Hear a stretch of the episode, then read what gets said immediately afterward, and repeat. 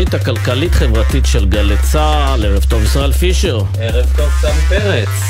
מה קורה? חזרת מירושלים? חזרתי מירושלים, הייתי היום בכנס אלי הורוביץ, נדבר עליו עוד אה, הרבה מאוד היום, אבל אנחנו כאן עכשיו עם החיים עצמם, וזה באמת מסוג הימים שבהם השגרה נשברת.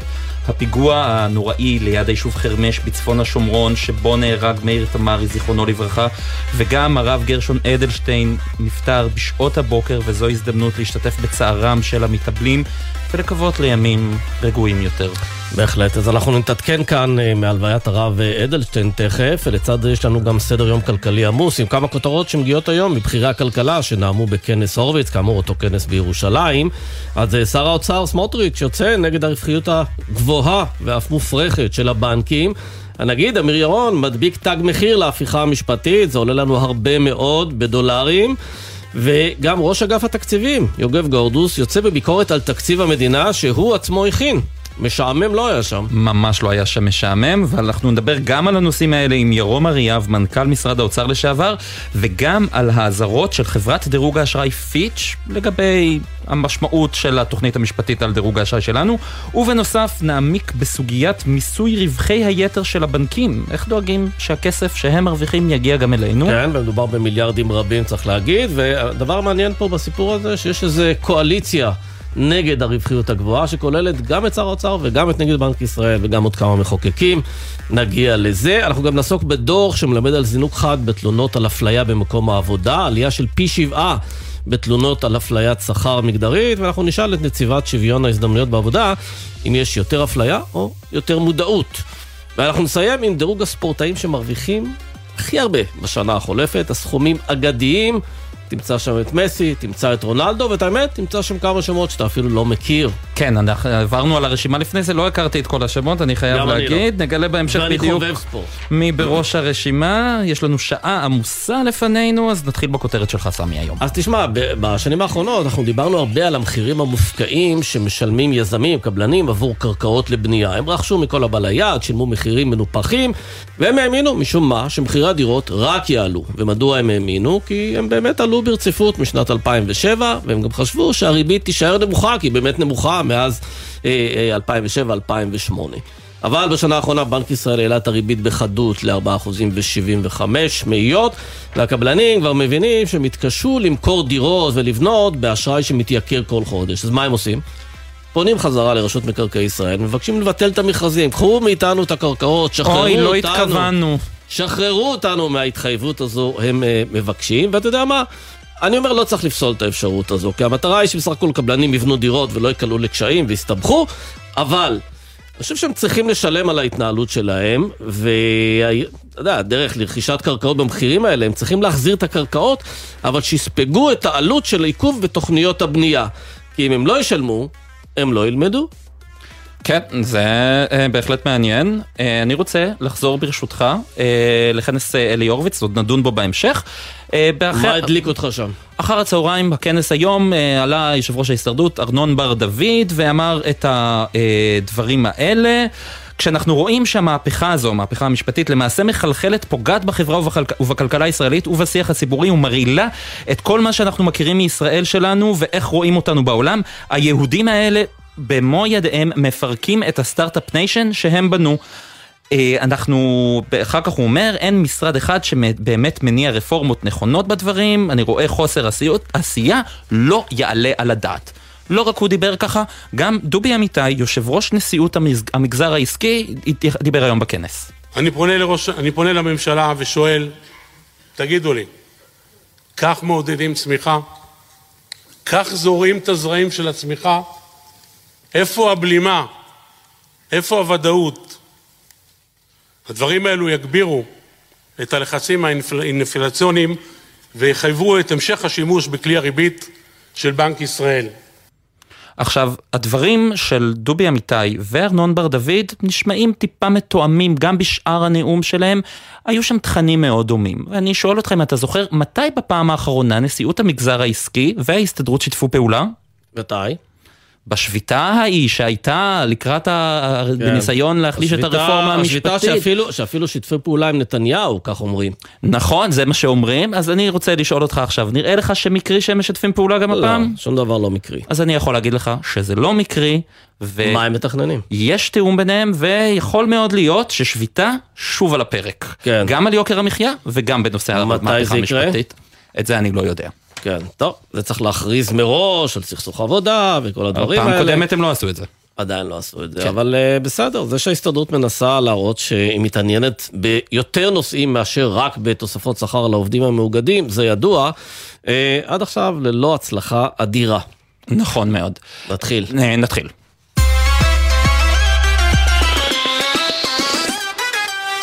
אז אה, בבני ברק באמת יש את הלוויה של הרב אדלשטיין, אנחנו רוצים אה, לקפוץ ליואלי ברים, כתבנו לענייני דתות, שלום יואלי.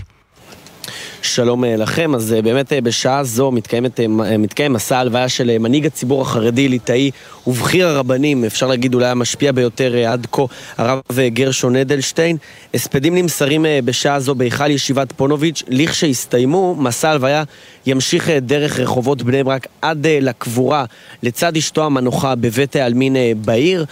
צריך להגיד, צירי התנועה, הכניסות לבני ברק והיציאות ממנה נחסמו לחלוטין, זאת אומרת אין כניסה ויציאה, אבל uh, בתוך בני ברק יש uh, מאות אלפ, אלפים שבאים לחלוק לו uh, כבוד אחרון. מגיעים מכל באירוע... רחבי הארץ? זה לא רק תושבי בני ברק, מגיעים מירושלים, מהערים החרדיות? ברור שלא, מתחילת הבוקר היה פה ממש חתיר, מגה אירוע מבחינת משרד התחבורה, משום שהם הגיעו בכל רחבי הארץ ברכבות וכל אמצעי התחבורה בעצם, בשביל להספיק להגיע להלוויה שאגב, ההתארגנות שלה נעשתה במועד מאוד מאוד קצר, זאת אומרת זה היה בשעה עשר הוא נפטר.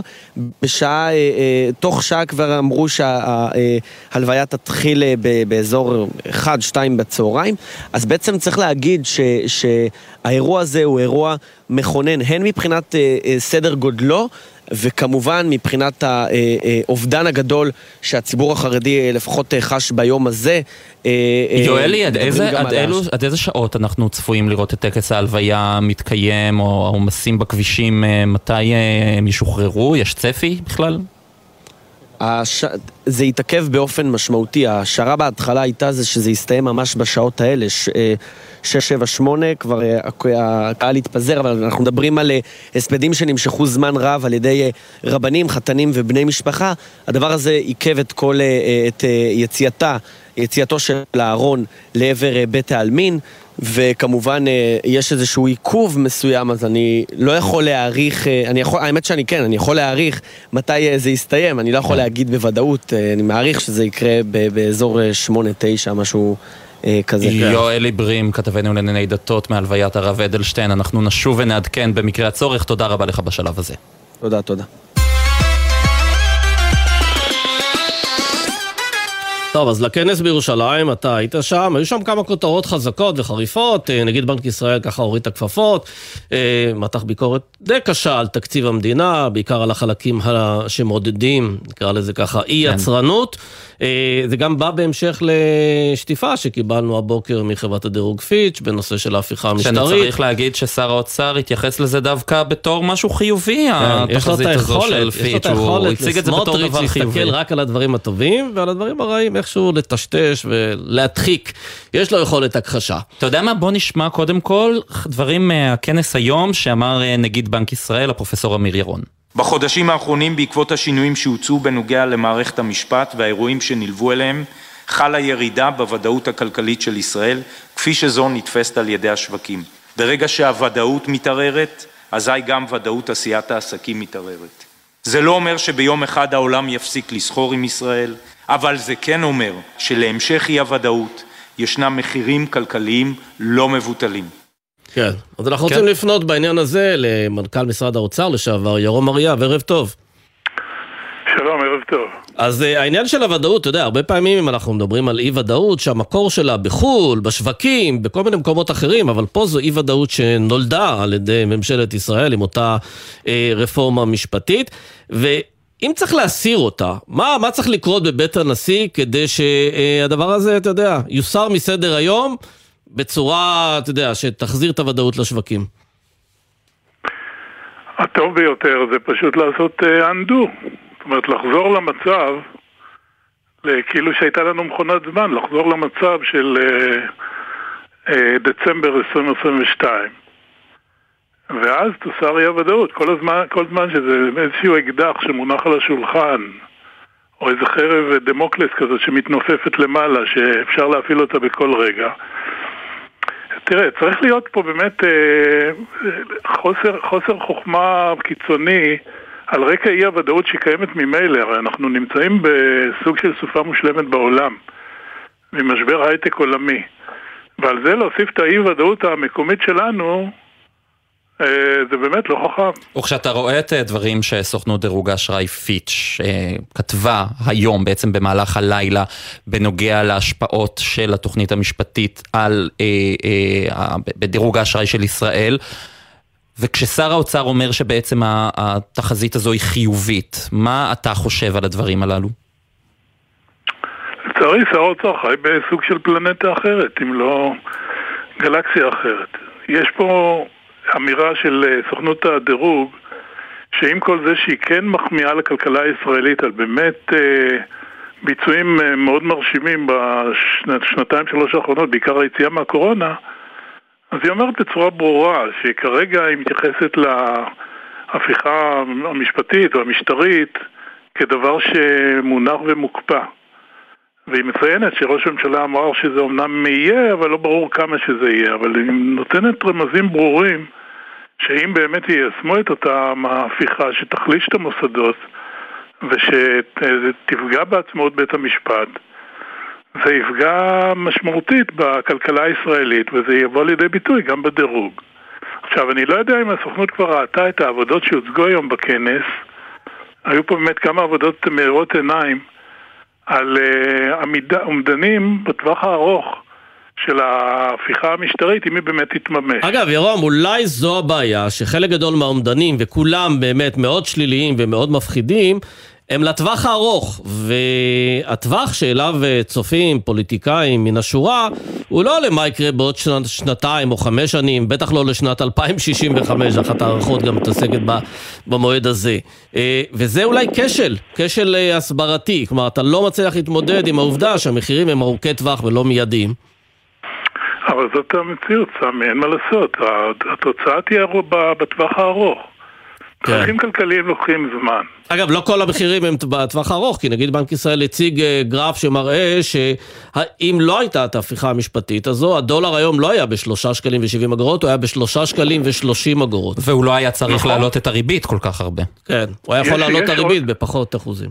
יש עוד דברים בטווח הקצר שכבר משפיעים. אם אנחנו מסתכלים על ביצועים של הבורסה הישראלית ביחס לבורסות האחרות בעולם, אז אנחנו גם כן רואים ששוק ההון מגיב אה, בצורה שלילית על מה שקרה. אבל התוצאות המרחיקות הלכת הן באמת בטווח הארוך, ואז באמת האומדנים, כמו שאתה אומר, הם אומדנים מפחידים. אבל ממשלה אחראית לא יכולה להתעלם מזה. כן. אה, ואם אתה מוסיף לזה את מה שקרה ב, באמת בתקציב, בעיקר בהרכב התקציב, כי פיץ' נותנים מחמאות על זה שמסגרת התקציב נשמרת, אבל הבעיה הגדולה היא אז, הרכב התקציב. אז באמת, אם אנחנו מדברים על, על הרכב התקציב או על תמהיל התקציב, אני רוצה להשמיע לך דברים שאמר היום בכנס יוגב גרדוס, הממונה על התקציבים באוצר. כשהנכד שלי ייכנס לכיתה א', 50% מהבנים במדינת ישראל ילמדו במערכת חינוך ששיעורי בעלי תעודת הבגרות שלה הינו 5%. כל מי שחושב שהכשרות מקצועיות ולימודי ליבה בחוגים אחר הצהריים יכולים לפתור את הבעיה, שוגה. קצב גידול האוכלוסייה בישראל חריג ביותר. רמת החיים הממוצעת במדינת ישראל תהיה דומה למזרח אירופה. תקשיב, אה, ירום אריאב, אה, שמענו עכשיו את אה, יוגב גרדוס, הממונה על התקציבים, האיש שחתום על התקציב, שאושר רק בשבוע שעבר, אומר היום שיש בעיה בתמהיל של התקציב. כמי שהיה מנכ"ל משרד האוצר ועוקב אחרי המשק הישראלי כל כך הרבה שנים, אתה זוכר תקדים שכזה שאדם בעודו בכהונה מותח ביקורת כל כך קשה על משהו שהוא חתום עליו? כן, אני שמעתי את יוגב בכנס עצמו, אני, את הכנס הזה אני ניהלתי כמה שנים, אז יש לי סימפתיה אליו באופן כן. בסיסי. אז uh, יוגב אמר דברים נוקבים ו- וכנים, וכעובד ציבור חובתו להגיד את זה, עם כל המחירים אולי האישיים שהוא עלול uh, לשאת בהם, ואני מאוד מקווה שלא, uh, הוא אמר בדיוק את האמת. תראה, ברגע שאתה נותן תמריצים לחלק גדול מהאוכלוסייה שהולך וגדל, כי המגמות הדמוגרפיות, אנחנו רואים אותן בצורה ברורה. אז אה, יוגב הדגים בצורה מאוד אה, ציורית אה, באיזה סיטואציה יהיה הנכד שלו בעוד מספר שנים, כי הוא עדיין יש לו ילד קטן, אבל לא אומר כשהילד הזה יגדל, הוא עשה, עשה את החישוב שללא תיקונים אמיתיים במערכת החינוך, כולל לימודי ליבה לכלל האוכלוסייה, מצבנו אה, הוא מאוד מאוד אה, גרוע. אבל יש פה איזה דפוס שאני רואה אותו כבר מאז הקמת הממשלה הזו, שלכאורה שר האוצר אומר, אני בעד לשמוע את כל הדעות, ואני בעד שישמיעו דעתם בכל האגפים, והרבה פעמים אנחנו חלוקים, וזה בסדר גמור, ואני מאפשר להם להשמיע את זה, אבל, אבל זה כאילו שתי, שני יקומים מקבילים. יש את הדרג המקצועי שאומר מה הדבר הנכון לעשות, ויש את הדרג הפוליטי שבכלל סדר היום שלו הוא איך אתה משמר ממשלה. הקואליציה. איך אה, שוברים את, ה, אתה יודע, את העובדה שיש פה שני קומים מקבילים? אז אה, יש פה מתח מובנה שקיים תמיד בין דרג פוליטי ודרג מקצועי. וזה מובן וברור וגם אה, הגיוני, וכמו שאתה אמרת, יש טווחי הזמן של הטווח הקצר של הדרג הפוליטי וטווח יותר ארוך של הדרג המקצועי. אבל להגיע למצבים כמו שאנחנו מגיעים עכשיו, זה באמת דברים שהם ללא תקדים. כי הדרג המקצועי פה אמר וגם ייצר ניירות, אה, לדעתי לפחות, מאוד אה, טובים מבחינה מקצועית.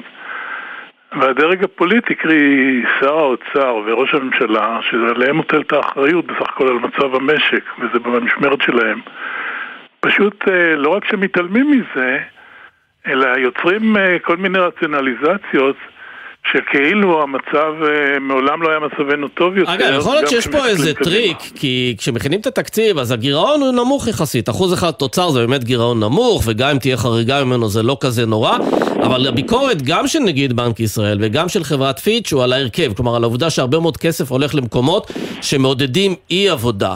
אז אה, יכול להיות שאתה אומר, בואנה, האריזה היא בסדר, היא לא אמורה להוריד את דירוג האשראי, אז בתוכה אני אעשה מה שאני רוצה, גם אם המחיר לטווח הארוך הוא מחיר קשה. העיקר שיש לי קואליציה. נכון, וצריך לזכור שגם חברת הדירוג מסתכלת בסך הכל יותר על הטווח הקצר, וזאת הבעיה.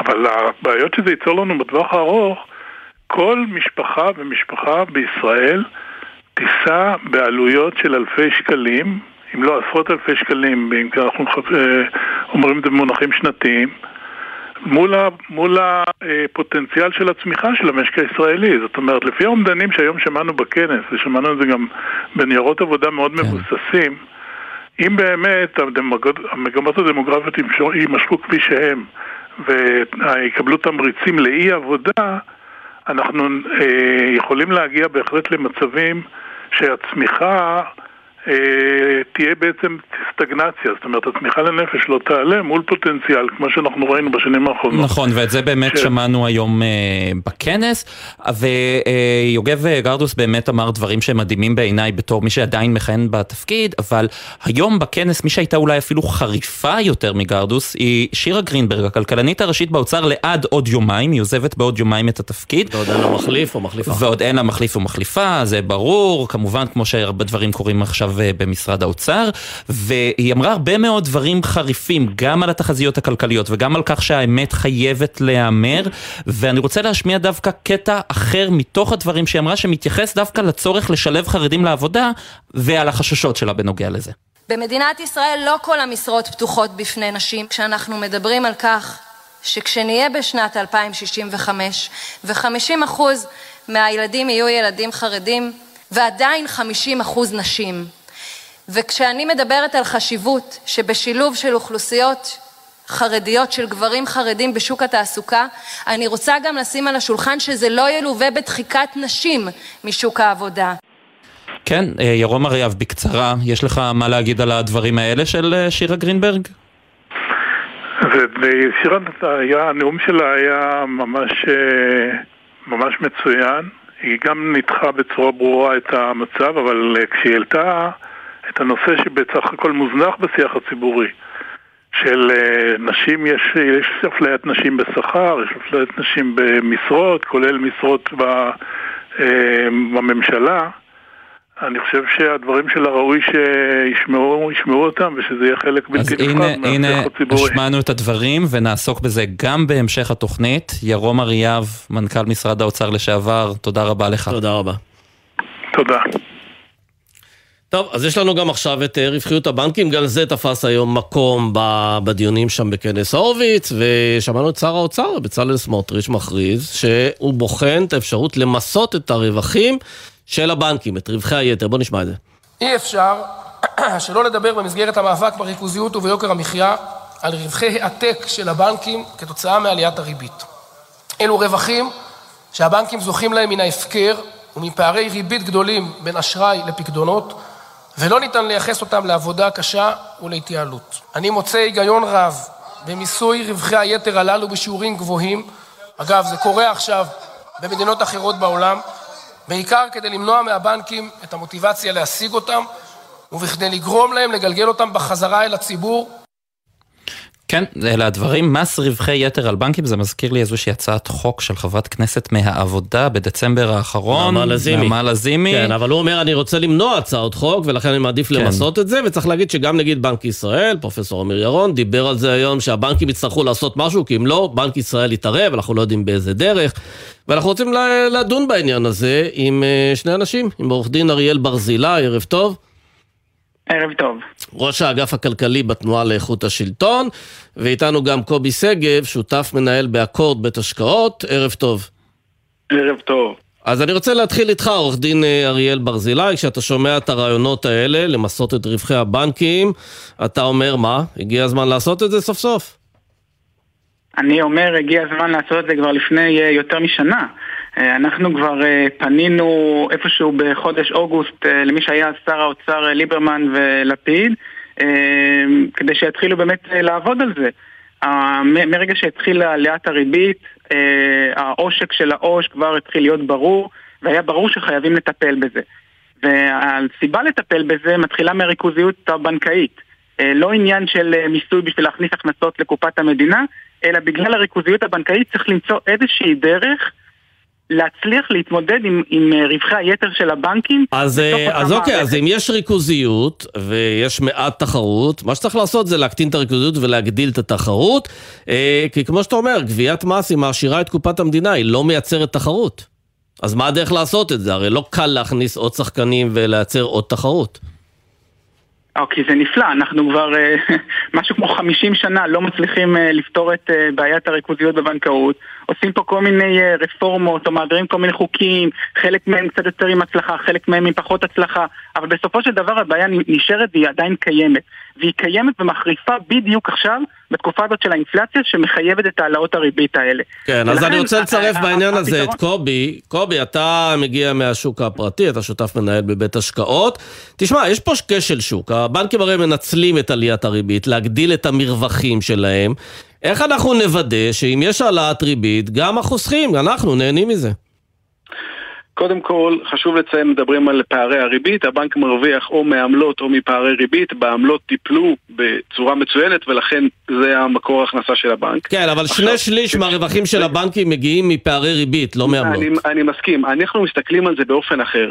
התערבות בכלכלה חופשית, בעצם התערבות במיסוי בדיעבד, לבוא ולהגיד עכשיו תשלמו מס גבוה יותר, היא תבריח בצורה שדומה מאוד למה שעשתה ההפיכה המשטרית שהבריחה מפה משקיעי הייטק ככה גם במקרה שינסו למסות את הבנקים, אנחנו נראה לדעתנו גם פה בארץ בעיה. היום ראינו... אבל הנה, אנחנו רואים שבשנה שעברה, היום המניות ירדו בצורה משמעותית, אבל אנחנו רואים שבשנה שעברה הבנקים הגדולים בישראל הרוויחו 24 מיליארד שקלים. אז נכון, תגיד שזה חוזר נכון, לציבור גם בתור לא- דיבידנדים לא ומניות, אבל יש פה, יש פה בעיה חמורה, אי אפשר להתעלם ממנה. הפתרונות הם נמצאים במקום אחר. איפה?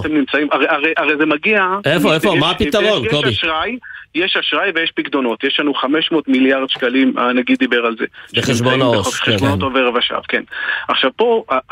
הרגולטור הוא לא יכול לכפות על בן אדם לקחת את הכסף שנמצא אצלו בעו"ש ולהשקיע אותו בפיקדון, זה עניין של חינוך פיננסי. לא, אבל יכול להיות שיש... שבנק ישראל צריך למסד איזושהי נורמה שאומרת שאם הבנק משתמש בכסף שלנו שנמצא בחשבון העו"ש אה, ומלווה אותו ועושה עליו רווח, אז הוא צריך גם אה, לגלגל אלינו חלק מהרווח הזה. יש פה, יש פה נקודה חשובה, אבל גם יש דבר חשוב מזה, כי חינוך פיננסי זה בא ואומר שלתת לאנשים ולתת ללקוחות הבנק אפשרויות שונות, כמו קרן כספית שהיא תחליף לפיקדון, כמו השקעה בניירות ערך שזה תחליף לפיקדון, כמו השקעה באג"ח ממשלתי, או במק"מ שזה תחליף לפיקדון, צריך לחנך את הציבור וצריך להעביר את זה הלאה. אם זה בצורה של מיסוי, לבוא ולעשות לעשות בעצם נזק בלתי הפיך, כי בעצם מיסוי והתערבות ב, אה, אה, בכלכלה החופשית, היא, תפיל, היא תפגע בבורסה, במניות של הבנקים בבורסה, שהם מרכיב משמעותי. שהם אגב כבר היום ירדו, לא? בעקבות הרעיון הזה של סמוטריץ'. נגיד היום רק פועלים ולאומי ירדו, איבדו קרוב לארבעה מיליארד שקל מהשווי שלהם. זאת אומרת, מי הבעלים של הבנקים האלה? זה אני ואני, כולנו. דרך קופות הגמל, דרך קרנות הפנסיה, בבנקים הגדולים, אין, הציבור הוא הבעלים. זאת אומרת, כולנו איבדנו היום מקופות הגמל וקרנות הפנסיה שלנו שלושה מיליארד שקל, ארבעה מיליארד שקל על ההצהרה הזאת. והם כן? אפילו לא נכנסו לקופת ל... המדינה, כן, ואלה הם כן, היו כן. נכנסים. לכן, לכן הפתרונות הם, הם פשוטים, צריך להמשיך לפתוח את החסמים, כבר היום אפשר להפקיד פיקדון, הרי זה מגיע מהצד של הפיקדונות, לא מגיע מהצד של האשראי. כל מי שלוקח משכנתה יודע איך הבנקים רבים כדי שהוא יגיע אליהם. אבל מהצד של הפקדונות צריך חינוך פיננסי, להסביר לאנשים לא להשאיר את הכסף בעובר ושב. אפשר לכפות על הבנקים להכניס את זה לאיזשהו פיקדון יומי, אבל הוא גם לא יישא ריבית. עדיף להשקיע בחינוך פיננסי, שהלקוחות הבנקים ילמדו שיש אג"ח ממשלתי. שהוא בטוח, ומק"מ, כן. וקרנות כספיות שהן בטוחות. אריאל... והמצב הזה יגיע, למד...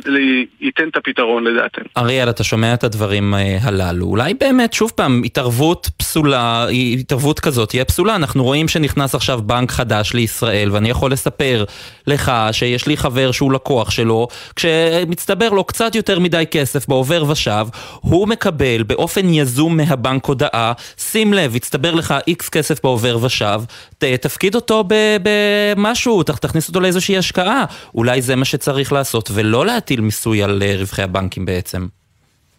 טוב, זה נחמד מאוד שיש את, ה, את השאיפה הזאת לחינוך פיננסי, או שבואו נקדם אה, רפורמות שיאפשרו פה יותר תחרות, זה באמת, זה, זה נפלא.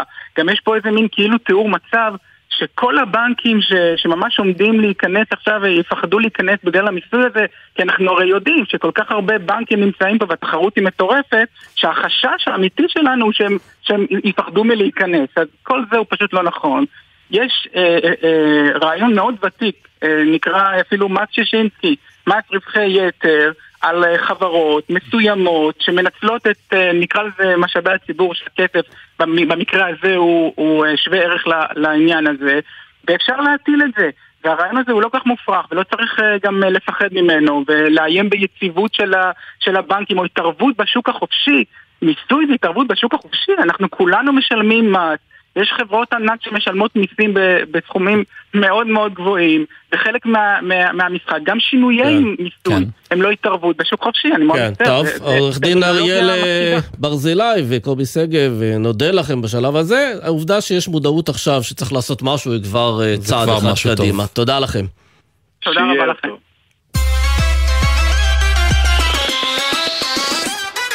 אנחנו עוברים עכשיו, איך לא עוד פעם לגל ההתייקרויות במשק. היום נחתמה הפעימה השנייה של התייקרות החלב באחוז, וגם ראש הממשלה קיים פגישה בנושא, כתבתנו לענייני צרכנות עינב קרנר, שלום לך. שלום ישראל, שלום סמי, אז כן, אז ברקע צל עליות המחירים, אה, היום אה, שרי החקלאות והאוצר חתמו על תוספת של אחוז למוצרי חלב אה, בפיקוח, נזכיר שלפני כחודש, בתחילת החודש נכנסו המחירים החדשים לתוקף בשיעור של 8% ושלוש עשיריות וכעת זה קופץ בעוד אה, כאחוז, אנחנו מדברים על חלב בקרטון 3% שמחירו יהיה מעוד יומיים בשישה שקלים 81 אגורות במקום שישה שקלים שבעים וחמש אגורות, גם הגבינה הלבנה תעלה בעוד ארבע אגורות, והשמנת המתוקה... כן, אנחנו כבר התרגלנו, התרגלנו לבשורות האלה, אבל מה היה היום בפגישות, בפגישה שקיים ראש הממשלה בנושא הזה? אז זהו, אז זהו. אז בעניין הזה, אה, זה בעצם הפגישת התנעה לקראת אה, הקמת ועדת השרים לעניין יוקר המחיה. אה, בפגישה הזו השתתפו שרי האוצר ושר, והחקלאות, ובעצם סיכמו שבעוד כשבועיים השר, שר האוצר, השר סמוטריץ', יציג את הצעדים להורדת יוקר המחיה. אנחנו מדברים גם על בירוקרטיה, ביטול רגולציות של היבואנים, ובכלל פתיחת השוק לתחרות, כאשר המוקד והמרכז יהיה ביטול הריכוזיות במשק וטיפול במונופולים. אה, מבחינת זמנים זה אמור להיות בעוד כשבועיים אה, להציג את... זה אומר שאם שר החקלאות שם, שבעיקר הטיפול אומר להיות במועצות הייצור החקלאיות למיניהם, אה, מה שמגדלים פה, חלב, בשר, ירקות ופירות? אני, אני לא, אני חושבת שאולי יהיה פה באמת את העניין במעורבות שלו מבחינת מכסים של כל מיני יבוא של אה, פירות וירקות ולראות איך באמת מייעלים את כל העניין הזה של היבוא גם אה, בפן החקלאי, אבל ממה שאני מבינה יכול להיות שהם פוחדים מהפינה שלך אצל רינו על המחירים של הבצל ושל החציל. אגב, הפינה הזו רק מוכיחה כמה פערי התיווך אה, הולכים אה, וגדלים, ואם כבר הזכרת את זה, סמי, אני רק אומר לך שיש איזשהו בג"ץ שמגישים דווקא בעניין של פערי התיווך, אה, תנועת אומץ אמורה להגיש את זה ממש בקרוב. אבל אין ספק שצריך לתת כן. פה מענה, כי תראו, כל חייבים... האלה שקמות, וגם מהצעות חוק שראינו ביומיים האחרונים, בינתיים לא נותנים שום פתרון לגל עליות המחירים. אז הנה, רק... יש לנו עוד לא. ועדות ועוד אה, ניסיונות ואמירות, אבל בינתיים אה, לא קורה יותר מדי בשטח. עינב קרנר, כתבתנו לענייני צרכנות, תודה רבה לך על הדברים האלה. תודה לשניכם, ערב טוב. זהו, כמה הודעות, ואז חבילת החוקים שתפתח פתח למינוי מקורבים, וגם רשימת הספורטאים שהרוויחו הכי הרבה בשנה האחרונה, עם כמה שמות מפתיעים, כבר אנחנו חוזרים.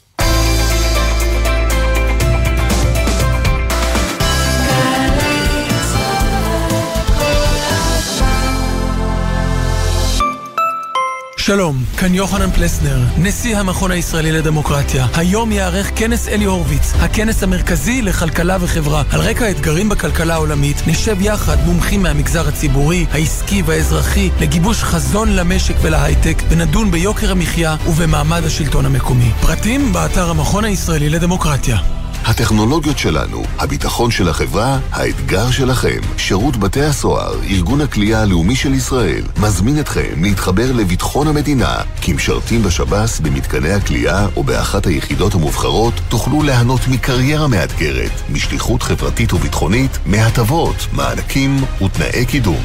מאות כבר הצטרפו, זה הזמן שלכם. פרטים, באתר שב"ס. להודות על שנה של עשייה בתשדיר של 30 שניות? צריך לפחות שבוע. שבוע ההצדעה לשירות הלאומי-אזרחי. מתנדבים ומתנדבות, אנו שמחים להזמינכם לשבוע ההצדעה, שיתקיים מ-4 עד 8 ביוני, ט"ו עד י"ט בסיוון. בואו ליהנות מהאירוע המרכזי בבריכת הסולטן. חפשו שבוע ההצדעה ומהרו להירשם. השירות הלאומי-אזרחי, לשרת, להשפיע, להוביל. ג'ם, ג'ם, ג'ם, ג'ם, ג'ם, ג'ם, הג'ם, ג'ם, ג'ם, ג'ם, ג'ם, ג'ם, ג'ם. הג'ם של קוטנר. בכל חמישי יואב קוטנר מארח את האומנים הכי מעניינים להופעה חיה באולפן. והשבוע אסף אמדורסקי וטברנק. הג'ם של קוטנר, עכשיו ביוטיוב של גלגלצ. וביום חמישי בשתיים בצהריים בשידור בגלי צה"ל. גלי צה"ל ואוניברסיטת בר אילן מציגות מי אני שיר ישראלי כינוס המוזיקה הישראלית התשעה עשר. הרצאות ודיונים על המוזיקה בארץ במגוון סגנונותיה, אז, היום ומה שקרה בדרך.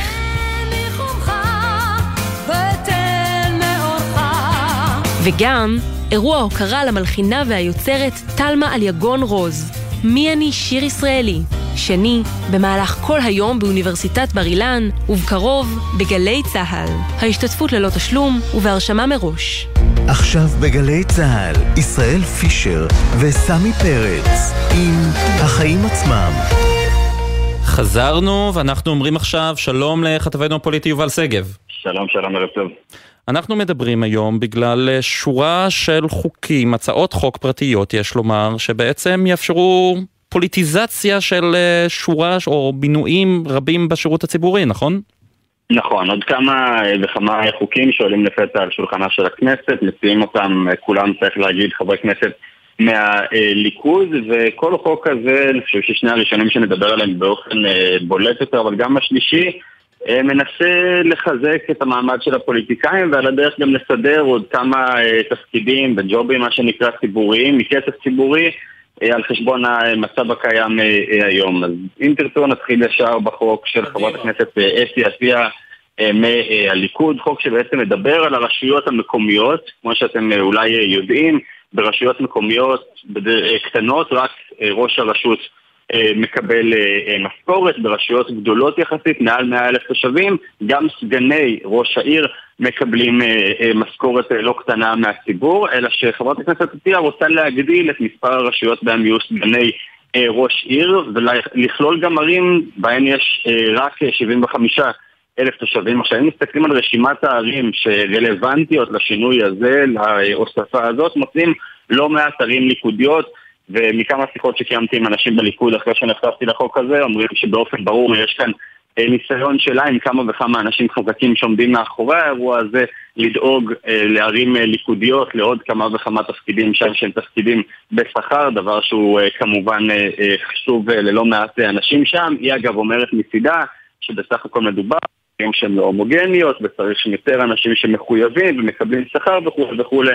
שוב, מאחורי הקלעים שומעים מהמפלגה שיש פה אינטרסים אחרים לגמרי. אוקיי, ונניח שאת זה עוד איכשהו אפשר אה, להצדיק, כי אתה לא רוצה שסגן ראש עיר לא יקבל שכר והוא ימצא אה, דרכים אחרות לקבל אה, כסף עבור אה, השירותים שהוא נותן. אה, יש אה, הצעות חוק שבכלל אה, אמורות לבטל את האיסור על מינויים זיקה פוליטית. נכון, אפשר לדבר באופן כללי, אני חושב, על המשכורות שמקבלים או לא מקבלים נבחרי הציבור ברמה המוניציפלית, אבל זה כמו שאמרת, דיון אחר. החוק הנוסף, הבאמת אה, אה, חריג יותר אולי, או בוטה יותר נקרא לו, הוא חוק של חבר הכנסת ניסים אה, ואטורי, חוק שבעצם נועד בצורה הכי פשוטה וברורה שיש, לבטל את הגדרת הזיקה הפוליטית לתפקידים. היום כשאתה רוצה לקבל איזשהו תפקיד ציבורי, בטח אם אתה מינוי של פוליטיקאי או מינוי במשרד ממשלתי שמשוייך לפוליטיקאי מסוים, יש אה, בדיקה שנעשית כדי לוודא שאתה לא קשור אליו ברמה הפוליטית, אתה לא חבר מרכז של המפלגה שלו, אתה לא תמכת בו בדרכים כאלה ואחרות, זאת אומרת שלא קיבלת את התפקיד, תפקיד שממומן כמובן בכסף ציבורי, על בסיס העבודה הפוליטית שלך או על בסיס היותך אה, מקורב. חבר הכנסת ואטורי בהצעה שלו רוצה אה, לבטל את הליך הבדיקה הזה, זה רלוונטי גם לדברים שבטח דיברתם עליהם בעבר של נבחרת הדירקטורים וכולי, אבל אה, לא רק, ובהודעה שמפיץ אתמול אחד היועצים הקרובים שלו לחברי הליכוד כדי לקרוא להם לגייס אותם. לתמוך בחוק הזה, בדיוק, הוא כותב להם בצורה הברורה ביותר. ניסים ואטורי בחר בחוק הזה כחוק המוביל מבחינתו כדי להחזיר את זכויות הפעילים שלנו לקבל תפקידים בצורה שוויונית ומאוזנת, זאת אומרת אפילו לא מנסים להסתיר שהמטרה כאן היא בסוף לחלק אה, ג'ובים ככה. ככה הכל חשוף, ויש עוד חוק של אה, חברת הכנסת טלי גוטליב, שיאפשר לשר או למנכ"ל להטיל קנסות משמעתיים על עובדים בנסיבות שונות. מה מהות החוק הזה? הזו. זהו, זה, החוק, הזה אני חייב לציין אה, מרגיש לי פחות אה, ריאלי למימוש, אם בשני החוקים האחרים יש הרבה חברי ליכוד שתומכים בהם בדרכים ישירות או עקיפות, החוק הזה באמת זה יותר חריג, אבל אתם יודעים, אין לדעת עם אילוצים פוליטיים. החוק הזה של חברת הכנסת טלי גוטליב בעצם, כמו שאמרת, מחזק את היכולות של השר או של המנכ"ל, גם הוא איש אמון של השר, של הגורם הפוליטי, לפגוע בעצם בעובדי המשרד אה, אה, באופן כמעט אה, אקראי. אם הם אה, אה, פועלים אה, בניגוד לכל מיני הנחיות של שירות ציבורי, של מינהל תקין וכולי וכולי, לדעתו כן. של השר או של המנכ"ל, מדברים פה על קנס של עד 1,500 שקלים או השעיה של ימ, שלושה ימי עבודה. או להעמיד אותו שכר. בפינה, שזה באמת נשמע קצת כמו גן ילדים, ואין לזה נו, נו, נו, סיכוי. ממש. אבל תגיד לי, יש מישהו שיעצור את המבול הזה של הצעות החוק המאוד פוליטיות, פרסונליות? תראו, אני חושב שדומה למגמה הכללית שאנחנו רואים עכשיו, גם במה שקשור לחקיקה המשפטית, נתניהו ואופיר כץ אולי, גם יושב ראש הקואליציה, לא ימהרו לקדם חוקים שכאלה, מבינים כמה רע זה נראה בציבור, אבל שוב, אני מאמין שגם ברמה המוניציפלית, מה שדיברנו, שנתקרב אולי לבחירות המקומיות, ברשויות המקומיות בקרוב, וכשיהיו לחצים פוליטיים כאלה ואחרים מקבוצות בליכוד, יכול להיות שנראה את החוקים האלה מתקדמים בכל מקרה, גם אם כרגע זה ממש לא בראש אה, סדרי העדיפויות של ראש הממשלה וראשי הקואליציה שמנסים להראות. יובל שגב. תודה רבה לך יובל.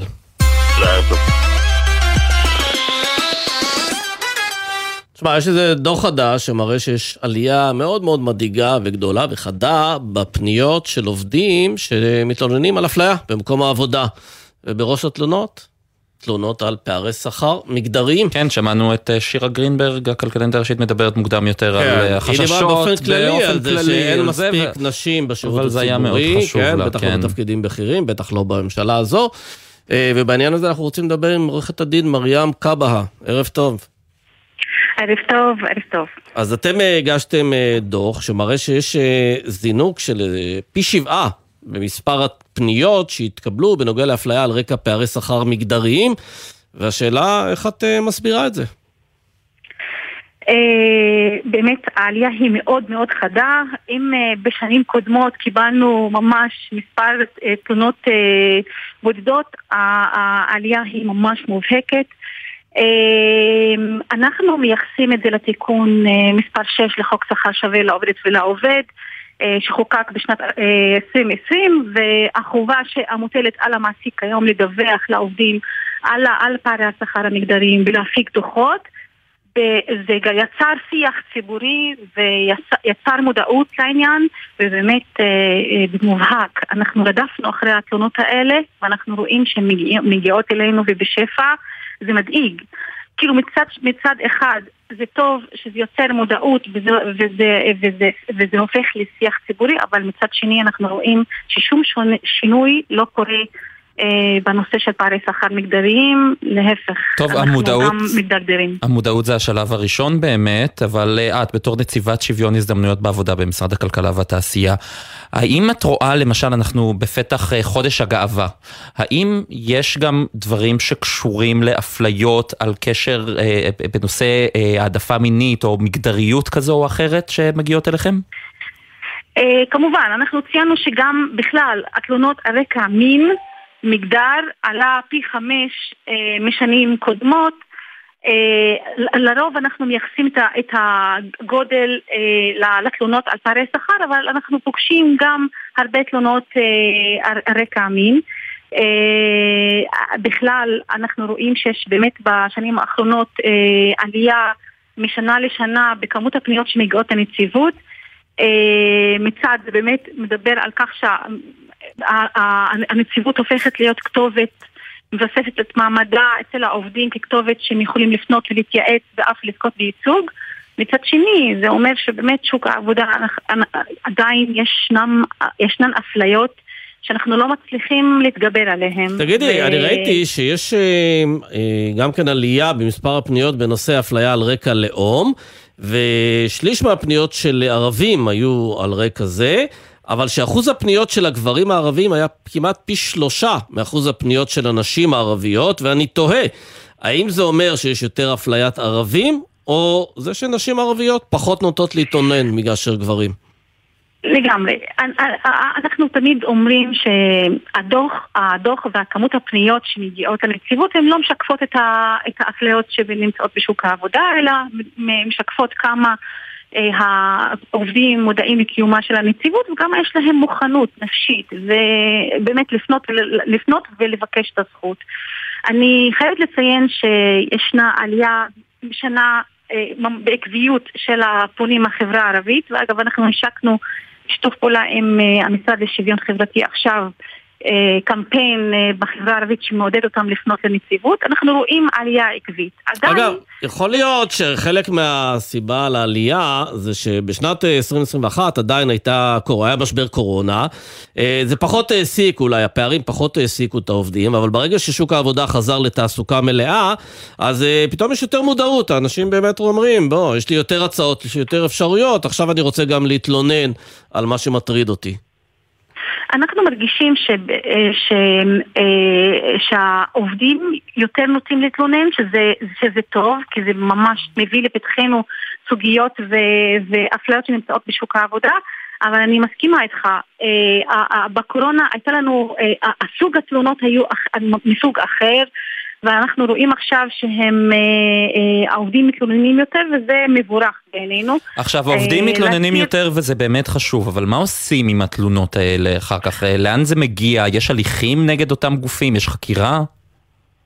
אנחנו, הנציבות נותנת ייעוץ משפטי. אגב, מרבית מהפונים לא מעוניינים בהליך משפטי, הם רוצים לברר זכויות ואנחנו מספקים להם את הייעוץ המשפטי שבאמת מנחה אותם מה לעשות, בדרך כלל הדברים נפתרים. במקרים מסוימים הנציבות מוסמכת לייצג את הפרט בבית הדין וככה אנחנו עושים.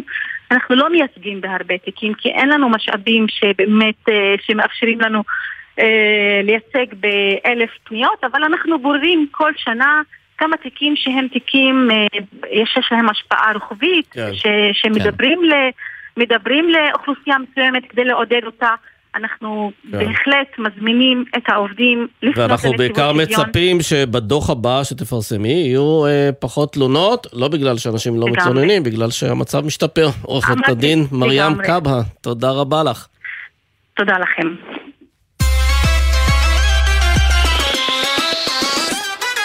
עכשיו שים לב לדבר, לדבר הבא, יש כמה בתי חולים שמתאגדים כדי להקים גוף מחקר עצמאי משלהם. איתנו על קו הטלפון דוקטור שלומית יהודאי רשף, מנהלת המכון למחקר רפואי בבית החולים רמב"ם, שלום. שלום, ערב טוב. מה הכוונה להקים גוף מחקר עצמאי משלכם? זה משהו שבעצם כמו אוניברסיטה מחקרית? אה, לא, צריך להבין קודם כל שהיסטורית המודל שהיה מקובל הוא שבבתי חולים אה, מטפלים בחולים והמחקר מתרכז באקדמיה. המציאות הזו השתנתה, יותר ויותר מחקרים נעשים היום בבתי חולים. יש אה, האצה משמעותית של, המח... של המחקר בבתי חולים, במרכזים רפואיים, וזה טבעי ומתבקש כי הרבה שאלות מחקריות נולדות ליד מיטת החולה. וההתאגדות הזו, בעצם המטרה שלה זה לקבל יותר תקציב מהמדינה למחקרים? אה, עוד לפני זה, מתוך הצורך הזה נוצר אה, תחום מחקר שנקרא מחקר רפואי יישומי, אה, שמה שמאפיין אותו זה שהוא ממוקד, ב- כמו שאמרתי, בחולים ומחלות, והשאלות מגיעות מהקליניקה, נחקרות במעבדות בתוך בתי חולים, משם בחזרה אל מיטת החולים בצורה של פתרונות, פריצות דרך כמו תרופות, בדיקות, מכשור רפואי אבל אני אגיד לך, וטיפולים מ- מתקדמים. מהיכרותי עם מערכת הבריאות, למשל, יש קושי בכלל של רופאים שאומרים אנחנו רוצים לחקור, אבל לא נותנים להם זמן, אומרים להם לא, לא, לא, אתה לא חוקר, אתה עכשיו אה, מרדים, אתה נשאר בחדר הניתוח כל היום ולא יכול לצאת למחקר, או אתה אה, חייב להיות במחלקה פנימית, אז אין בכלל זמן לרופאים למחקר, אז מה זה נותן נכון. המכון הזה? נכון, זה אחת הבעיות, אבל uh, למרות כל הקושי הזה, אצלנו ברמב"ם למשל, יש מכון מחקר שאני עומדת בראשו, שמרכז רופאים חוקרים כמעט מכל המחלקות בבית החולים, מכוני מחקר דומים קיימים גם בבתי חולים נוספים כמו איכילוב, שיבא, כן, אז רק לעניין השאלה על התקציב, המטרה של ההתאגדות הזו זה שהמדינה תכיר בזה ותיתן לכם תקציבים למחקר? משאבים? זמן? המת... המטרה של הרשת הזאת שאנחנו הקמנו היא, היא בשביל, אה, אה, כן, לדאוג לכך שתהיה הכרה בתחום, שתהיה הכרה באישות הזאת שקוראים לה מחקר רפואי יישומי. כן. אגב, איזה אחוז מהרופאים בבתי החולים עוסק במחקר? זה תלוי על איזה בית חולים אתה מדבר, אבל בבתי חולים שבהם מעודדים את המחקר, אז מדובר על אה, נתח גדול מאוד של הצוות. אה, מדובר אה, במאות אה, מאות אנשי צוות שעוסקים במחקר פעיל. כן, ולהערכתך, אה, נגיד שהממשלה תחליט שזה חשוב, ואיזה תקציב אתם צריכים כדי שהעסק הזה יעבוד טוב? אה, כמו שמתוקצב המחקר באקדמיה, וכמובן מבלי לפגוע באקדמיה, אה, חשבתי שתגידי, כמו שמתקצבים את הכספים הקואליציוניים, משהו כמו 14 מיליארד שקלים. תסתפקו כן. בפחות. אה, בסדר, טוב, אנחנו ניקח נקווה. את מה שמגיע לנו, לא לא יותר. בסדר, אז נאחל שתצליחו לגרד משהו, כי זה נשמע חשוב. דוקטור שלומית יהודאי כן, רשף, מדובר בתחום עם פוטנציאל כלכלי עצום ומוכח, אבל באמת כדי לשמור עליו ולהזניק לבריאות. את הרפואה קדימה בדיוק, למען בריאות הציבור, צריך מקור מימון. מאה אחוז. תודה רבה, דוקטור שלומית יהודאי תודה רשף. לכם, תודה רבה.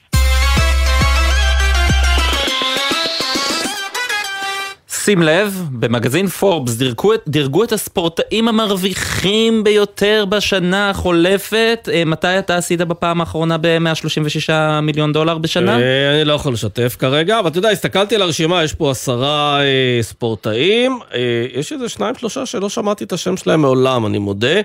בדרך כלל זה מגיע מענפים שהם פחות אה, פופולריים הנה, בישראל. קנלו אלוורז, אני אגיד כן. לך את זה, בדקתי את זה לפני השידור, כי לא כן, הכרתי אז אותו. אגרוף זה לא הקטע שלי, וגם כן. גולף זה לא הקטע שלי, אבל אתה יודע, כדורסל, כדורגל, אז uh, אנחנו רוצים לדבר על הרשימה הזו, שכנראה הולכת לטפוח. Uh, אנחנו רוצים לדבר עם איתי uh, זהוראי מפורבס ישראל. ערב טוב. שלום, שלום, ערב טוב. תגיד, הסכומים האלה, אנחנו רואים פה למשל ברשימה, בראש הרשימה קריסטנו רונלדו עם 130... רונלדו, נכון. כן, 136 מיליון דולר. אני הייתי בטוח שהוא מקבל הרבה יותר שם באמירויות, ב- בסעודיה. זאת, זה נכון, זאת רק ההתחלה כמו שאומרים, כי אנחנו מדברים על, על 12 החודשים האחרונים ומכלילים בפנים גם את החוזה שלו מנצ'סטר יונייטד.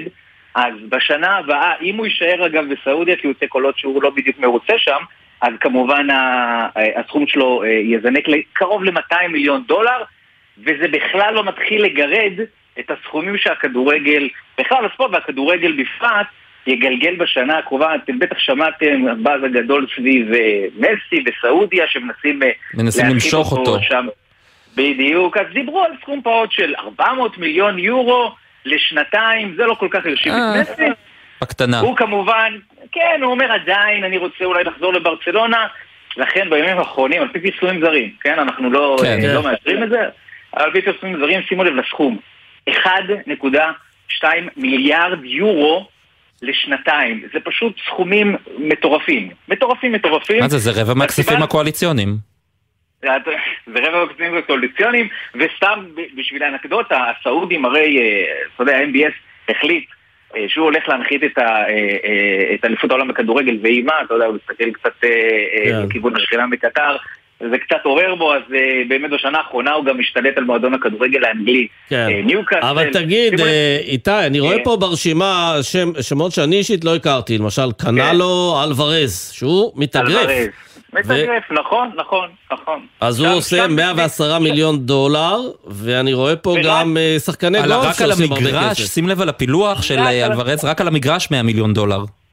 רק על המגרש 100 מיליון, זה, אל- אלה קרבות על של הזירה. שמגלגלים, כן, מגלגלים מאות מיליוני דולרים לחברות הכבלים, כמובן, הכל כמובן בתשלום, ועל אה, אה, על, על, אה, אה, זירה אחת שהוא מתאגרף בה, על אירוע אחד, הוא מגלגל אה, 50 אה, מיליון אה, דולר. שזה סכומים שהם כולם כולם על המגרש, אז אנחנו רואים פה, לא סתם אתה לא מכיר, כי מי שאתה רואה זה באמת הספורטאים שאתה רואה שהם כמובן עושים הכנסה יפה מאוד, אבל גם לצד זה יש להם גם חוזה פרסום. כן, אגב, אני רואה פה. עוד ברשימה שכל האנשים בעשירייה הזאת הם בגילאי 20, 30, 40 קצת, ויש אחד שהוא בן 52, אה, שעושה 106 מיליון דולר. איך ספורטאי עושה ובאיזה מקצוע? גולף זה ספורט? סליחה, הזכרתי, זו השאלה. הזכרתי, אבל גולף זה. ספורט? כן, כן, גולף זה ספורט, אפילו ספורט אולימפי, וכן, בגולף יש, אה, אה, תתפלאו, אבל בצפון אמריקה הוא ענף מאוד פופולרי, קצת פחות אה, אצלנו, גם אה, אגב אה, אגרוף קצת פחות אה, פופולרי, אבל הם, אה, אה, הם ענפים שמגלגלים באמת סכומים אדירים, אבל דווקא תחום שהוא לא כדורגל, כי אנחנו רואים את אה, שלושת הגדולים, ולא סתם השלושת הגדולים מהכדורגל, הרביעי למשל לברון ג'יינס, הוא עושה 44 מיליון אה, דולר אה, אה, על המגרש, אבל את רוב התחום, ואנחנו מדברים פה על הספורטאי המיליארדר היחידי, שכיום ספורטאי אה, פועיל, אז הוא עושה את רוב הסכום שלו בכלל מהשקעות. מהשקעות. אחרות. יפה. השקעות. איתי. איתי זהוראי מפורבס ישראל, תודה רבה לך על הדברים האלה, אנחנו. חייבים לסיים. נגיד תודה גם לבן נצר שערך, עמליה זקס לוי וברק בטש הפיקו על הביצוע הטכני יואב מנדלוביץ', עורך הדיגיטל אביתר ברון, מיד אחרינו 360 ביום עם עידן קבלר, החיים עצמם גם מחר עם שייני ועמית תומר כרגיל, סמי פרץ, תודה רבה לך. ישראל פישר, תודה גם לך. להתראות.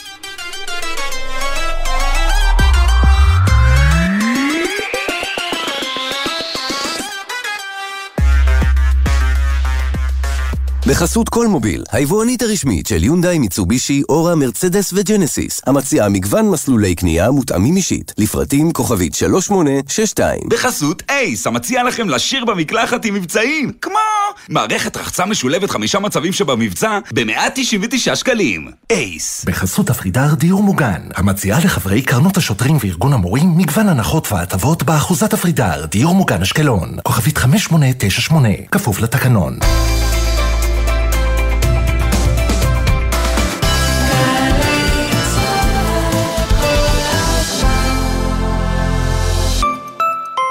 הכירו את אריה, נהג מכבש בפנסיה, עבד במע"צ 45 שנה. בכל שנה סלל כ-180 קילומטר אספלט. הכפילו בכל שנות עבודתו, ותבינו שאם נחבר את כל הדרכים שסלל, נוכל להגיע עד סלוניקי, שממנה עלה ארצה. רספקט, אריה. תנו כבוד למבוגרים שלנו, הם ראויים לזה. הביטוח הלאומי, לצדך ברגעים החשובים של החיים. מגדל דוד, מוזיאון ירושלים מחדש. לגלות את ירושלים בתערוכה חדשנית המספרת את סיפורה של העיר. הפתיחה ב-1 ביוני. פרטים באתר. קיה במבצע לעמיתי מועדון חבר. נירו החדש, סלטוס החדש, ספורטאז', פיקנטו ויתר דגמי קיה עכשיו בתנאים בלעדיים לעמיתי מועדון חבר. עד שישה ביוני, לפרטים כוכבי 9920 או באתר מועדון חבר. חבר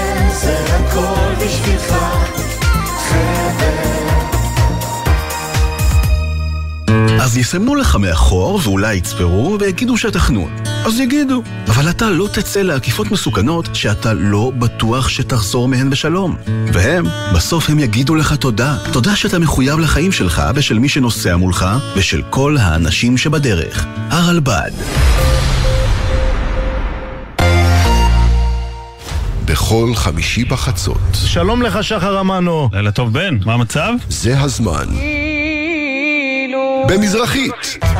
בן פראג' ושחר אמנו מארחים את אומני הזמר המזרחי המובילים לילה טוב לאורח שלנו דוד זיגמן, ישי לוי, יוסי גיספן, שגיב כהן, חיים מוליאל, סמי לזבי עם מוזיקה שמזכירה נשכחות והשיחות אל תוך הלילה. מי מגילה את זוהר? עכשיו הזמן במזרחית, חמישי בחצות, גלי צה"ל. מיד אחרי החדשות, עידן